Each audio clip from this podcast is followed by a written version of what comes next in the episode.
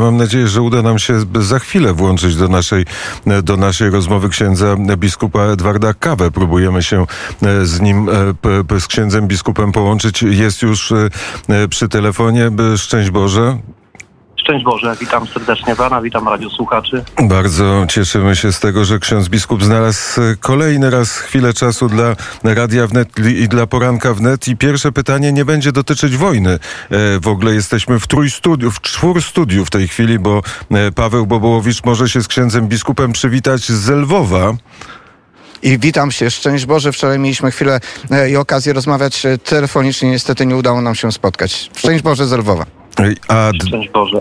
Ja już jestem, już jestem w Lwowie. Wczoraj byłem w Polsce, a już dzisiaj jestem w Lwowie. A Dmytro Antoniuk jest w Kijowie. Szczęść Boże i sława Jezusu Chrystu. Sława Bogu. E, pierwsze pytanie nie będzie dotyczyć wojny, ale rocznicy e, święceń kapłańskich księdza kardynała Mariana Jaworskiego. Ksiądz biskup z księdzem kardynałem e, był związany blisko, blisko współpracował. To powiedzmy, pamiętając o księdzu kardynale, jakie są jego zasługi dla Kościoła katolickiego w Lwowie i na Ukrainie? No, zasługi księdza kardynała świętej pamięci Mariana Jaworskiego są ogromne, dlatego że to był właściwie e, pierwszy biskup, e, który e, no, przybył tutaj po upadku Związku Radzieckiego do Lwowa i właściwie można powiedzieć od początku zaczął organizację kościoła rzymskokatolickiego w takim wymiarze, w jakim jest. I myślę, że wielką zasługą było jego to, że on jest lwowiakiem, urodził się tutaj na terenie parafii świętego Antoniego, czyli na Łyczakowie. Y, też jako młody kleryk musiał uciekać z Lwowa, jak się zaczęła II wojna światowa, ale potem wrócił już jako człowiek doświadczony, jako wykładowca, profesor e, y, z Krakowa, y, jako biskup i też myślę, że bardzo wielki wpływ na ten jego powrót miał też to, że miał bardzo bliskie relacje, był przyjacielem świętego Jana Pawła II i to też przyczyniło się do tego, że e, no to jego tutaj działanie, autorytet, mądrość przyniosły swoje owoce. I myślę, że to była no, wielka taka i mądra, mądra decyzja świętego Jana Pawła II, że właśnie e, tym pierwszym e, ordynariuszem e, archidiecezji lwowskiej był po, po, po czasach komuny był świętej pamięci kardynał Marian Jaworski. I, bardzo dużo mu zawdzięczamy. Praktycznie to wszystko, co dzisiaj Kościół y, Archidiecezji Lwowskiej posiada, czy seminarium, czy budynek kurii, y, czy jakiekolwiek inne E, te, które są potrzebne budynki dla, dla funkcjonowania archidiecezji, to tak naprawdę to była zasługa i wielkie starania właśnie księdza kardynała Mariana Jaworskiego. I zostawił po sobie ogromny testament i można powiedzieć, że wychował takie całe pokolenie kapłanów, osób życia konsekrowanego, ludzi świeckich, e, którzy dzisiaj e, no, są dla Kościoła no, wielką oporą, czyli zbudował taki mocny fundament, na który dzisiaj my kontynuujemy E, to dzieło, które e, Pan Bóg rozpoczął przez e, świętej pamięci księdza kardynała Jaworskiego. Wczoraj Paweł Bobołowicz w poranku wnet rozmawiał z merem Lwowa Andrzejem Sadowym. Jedno z pytań dotyczyło relacji i zwrotu Kościoła katolickiego w, w prawowite ręce. Pawle, powiedz, czego to, jak którego kościoła to dotyczyło? E, oczywiście zapytałem się o sprawę kościoła świętej Marii Magdaleny, bo e, nawiązałem do tej sytuacji, która teraz ma miejsce na Ukrainie, czyli deimperializacji, dekomunizacji. Jeżeli Ukraina chce zerwać z komunistyczną, niechlubną e, przeszłością, to powinna oddać to, co zostało ukradzione. I o to zapytałem się prezydenta miasta Lwowa, Andrija Sadowego. Nie otrzymałem jednoznacznej odpowiedzi. Mer Sadowy powiązał tę sprawę z innym kościołem, który też jest, nie znajduje się w pełni w rękach Kościoła katolickiego, czyli e, z Kościołem e, Świętego Antoniego e, w, w, w Lwowie, ale jednak zabrzmiał taki optymistyczny element, że jest to na dobrej drodze i mer zapowiedział, że niedługo wydarzy się coś, co będzie dobrym znakiem, pomimo tego, że próbowałem go przycisnąć pytaniem, jednak nie odpowiedział do końca. Być może ksiądz biskup powie nam, czy jak wygląda ta sytuacja ze strony Kościoła Rzymskokatolickiego. Ja tylko może dodam, że e, trochę starłem się w pewnym sensie z e, prezydentem, prezydentem Lwowa, bo zwróciłem uwagę, że to nie jest zwrot kościoła, kościołów w Polsce, tylko to jest zwrot kościołów w wspólnocie rzymskokatolickiej kościoła rzymskokatolickiego, ukraińskiego kościoła rzymskokatolickiego, więc tu nikt nic nie oddaje Polakom, tylko oddaje e, po prostu prawowitym właścicielom, którzy są e, na Ukrainie. To ja mogę skomentować te słowa pana Pawła, czyli to zachowanie pana mera to jest nasza codzienność. Zawsze są jakieś tam z jego strony obiecanki, które bardzo pięknie brzmią, ale jest bardzo mało w tym jakiegoś konkretnego działania, czy konkretnych jakichś takich ustaleń. I Kościół Świętej Marii Magdaleny jest takim przykładem, że od wielu, wielu lat staramy się o tą świątynię i to, i to jest kompetencja właśnie pana mera. Tutaj nie, bo niektóre świątynie są pod e, Ministerstwem Kultury i to jest troszeczkę inny proces, który musi iść przez Kijów. Natomiast ta świątynia konkretnie jest e, w kompetencji pana mera i zarządu miasta i tak naprawdę to, co się dzieje w tej chwili z tą świątynią, że cały czas jest konflikt skorzystania sala koncertowa, która sobie bardzo wielkie prawa rości do tej świątyni i która właściwie w pewien sposób niszczy tą świątynię, dlatego że oni wszystko robią, aby tę świątynię przerobić na salę koncertową i zniszczyć wszystko, co jest w niej święte i sakralne. Cały czas nasi parafianie, którzy, tak jak pan Paweł powiedział, są obywatelami Ukrainy, są y, dyskryminowani. I muszę o tym powiedzieć, że to też jest i wina pana mera, który no po prostu milcząc nie reaguje na nasze apele. Wiele razy zwracamy się, ja osobiście chodzę do jego zastępców, spotykam, spotykamy się, rozmawiamy. Zawsze otrzymuję odpowiedź, że będą podjęte jakiekolwiek starania. W rezultacie jest tak, jak jest. My korzystamy z tej świątyni, mamy bardzo ograniczony, przesz- ograniczoną przestrzeń, czas skorzystania tej świątyni i tak naprawdę yy, no, te nasze prawa jako obywateli Ukrainy, ja jestem obywatelem Ukrainy i rzymokatolikiem są tutaj po prostu cały czas łamane.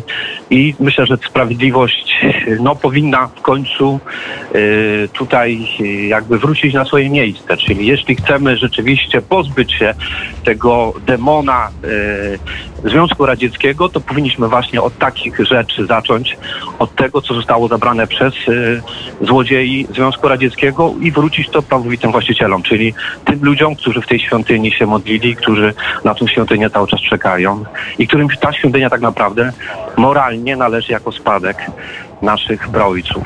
A jak ta sytuacja i podobne sytuacje wygl wyglądają z okien naszego studia w Kijowie, Dmytro?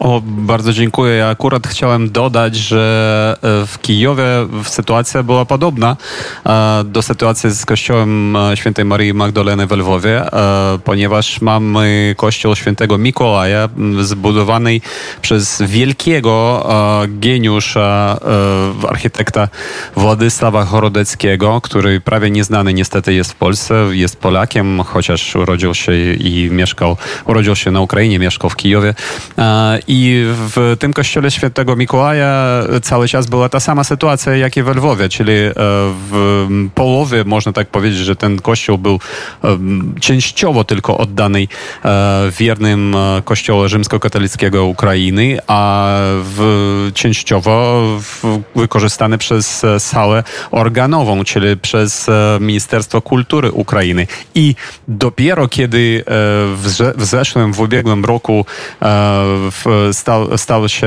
pożar w tym kościele i e, pożar zniszczył akurat e, organ znajdujący się na, na miejscu ołtarza głównego.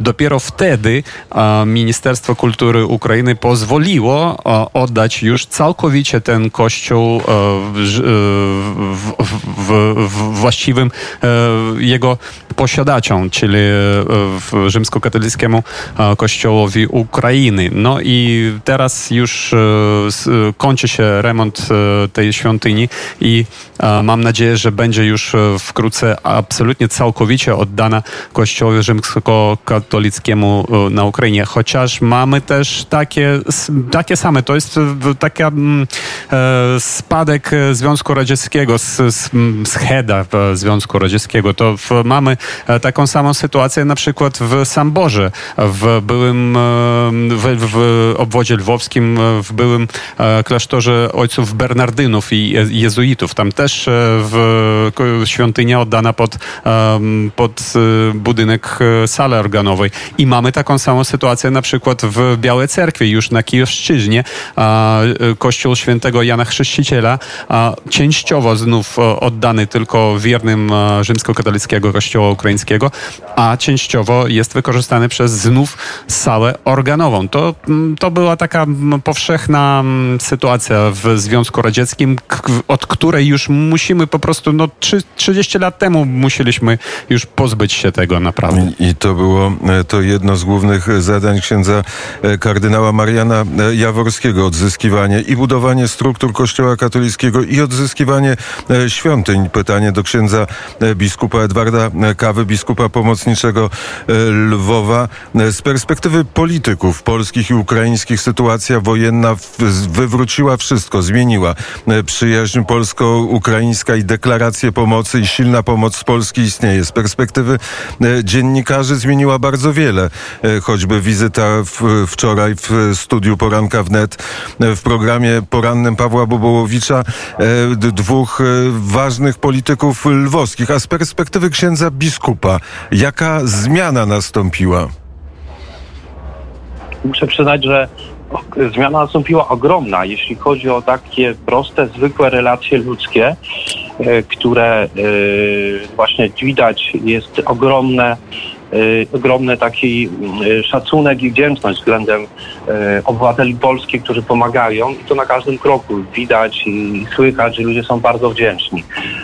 Myślę, że tutaj powinna nastąpić następny krok zmiany, że politycy powinni się troszeczkę nauczyć, mam na uwadze teraz polityków ukraińskich, właśnie od prostych, przeciętnych ludzi tej wdzięczności. Bo oczywiście są piękne deklaracje te wszystkie e, polityków, ale no niestety znowu to jest spadek Związku Radzieckiego. Za tymi deklaracjami nie ma konkretnych czynów, a już przyszedł czas na te czyny. I myślę, że teraz najbardziej odpowiedni jest ten czas, kiedy są różne e, ze strony Rosji jakieś prowokacje, które też mówią o tym, że tutaj jakieś, jakieś mogą być interwencje na terenie zachodniej Ukrainy ze strony Polski i tak dalej.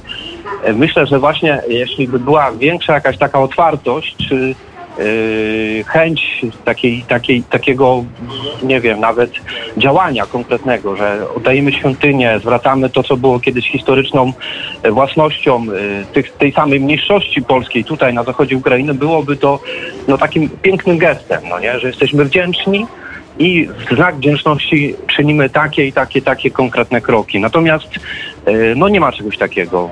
Jeśli chodzi o przeciętnych ludzi, to jest rzeczywiście wdzięczność. Jeśli chodzi o polityków, to niestety jestem bardzo zawiedzony tą postawą i mam nadzieję, że ta postawa się zmieni.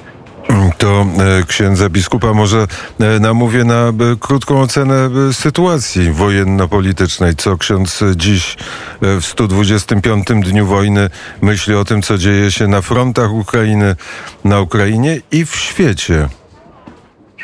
Znaczy, powiem szczerze, że tak bardzo y, boleśnie y, przeżyliśmy wczorajszy dzień, który właśnie y, byliśmy świadkami y, te, tego bombardowania centrum handlowego w Kremenczuku. Może wytłumaczę, dlaczego to przeżyłem osobiście też tak bardzo boleśnie, dlatego że tam pracowałem. Byłem kiedyś tam y, proboszczem właśnie w Kremenczuku, w diecezji charkowsko-zaporowskiej i dobrze znam i ludzi, i tam, to miasto i dlatego też w jaki sposób to bardzo mnie dotknęło. Wiem, że Charków jest cały czas i okolice Charkowa y, bombardowane. Y, Bardzo trudna sytuacja jest w tej chwili w Łysyczańsku y, i na południu też Ukrainy cały czas trwają bardzo mocne obszczały. y, Mikołajowa czy, czy, czy tutaj Zaporoża. Czyli sytuacja jest bardzo trudna z tego względu, że no po prostu armia ukraińska broni się jak tylko może, no ale wiadomo, że przeciwko tak mocnemu wrogowi potrzebuje też i mocnej broni, która by po prostu pomogła w tej obronie. I widzimy też po pogrzebach, że tych y, mm, zamordowanych żołnierzy jest coraz więcej. i niestety to jest też spowodowane, spowodowane tym, że się nie mają czym bronić. I oczywiście są y, jakieś deklaracje polityków zachodnich, że będ- będzie nadawana broń, ale widzę, że to jest troszeczkę wszystko chyba sztucznie spowolnione. Nie wiem, jaki jest cel. No na pewno skutek jest taki, że my tutaj, mieszkańcy Ukrainy, bardzo z tego powodu cierpimy i przede wszystkim cierpią ludzie e, bezbronni, czyli niewinni. Giną dzieci, giną kobiety, dlatego że żołnierze nie mogą się bronić, bo nie otrzymują tej broni, która jest im potrzebna, aby, aby mieć równowagę przynajmniej z tym wrogiem, który no, strzela z wszystkiego, co posiada. No, nie? To jak widzimy, że nie mają żadnych ani e, jakichś e, wartości, ani nie, nie. Po prostu strzelają przede wszystkim po, po budynkach cywilnych, po, po miejscach, gdzie ludzie e, robią zakupy, gdzie kupują sobie żywność i właśnie w tym czasie, kiedy ludzie najbardziej e, no jakby są zaskoczeni, czy tak jak wczoraj właśnie po dniu pracy ludzie przyszli do sklepu, żeby kupić sobie żywność w Kremenczuku, czy tak jak w niedzielę rano w Kijowie ludzie jeszcze śpią, gdzie jest dzień wolny i wtedy właśnie najbardziej to jest naj, najbardziej niebezpieczne i takie no też w pewien sposób diabelskie działanie, e, jeśli się w taki sposób zaskoczenia bombarduje miejsca e, cywilne.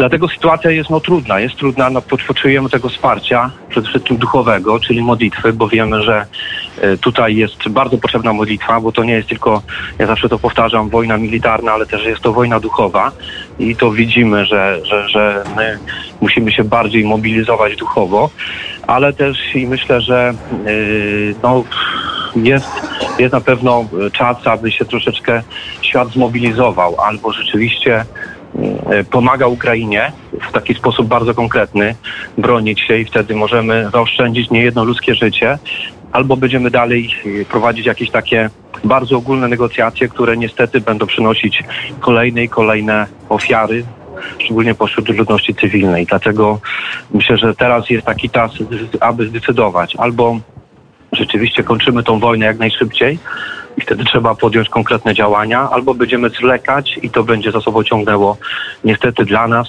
Ukraińców, bardzo bolesne konsekwencje. O czym e, powiedział ksiądz biskup Edward Kawa. Bardzo serdecznie chcę podziękować księdzu biskupowi za ten czas poświęcony słuchaczom Radia Wnet. Dziękuję bardzo i pozdrawiam i proszę o, o modlitwę i wsparcie Ukrainy. Tak e, to się e, dzieje w naszych e, sercach i w naszych domach. Wsparcie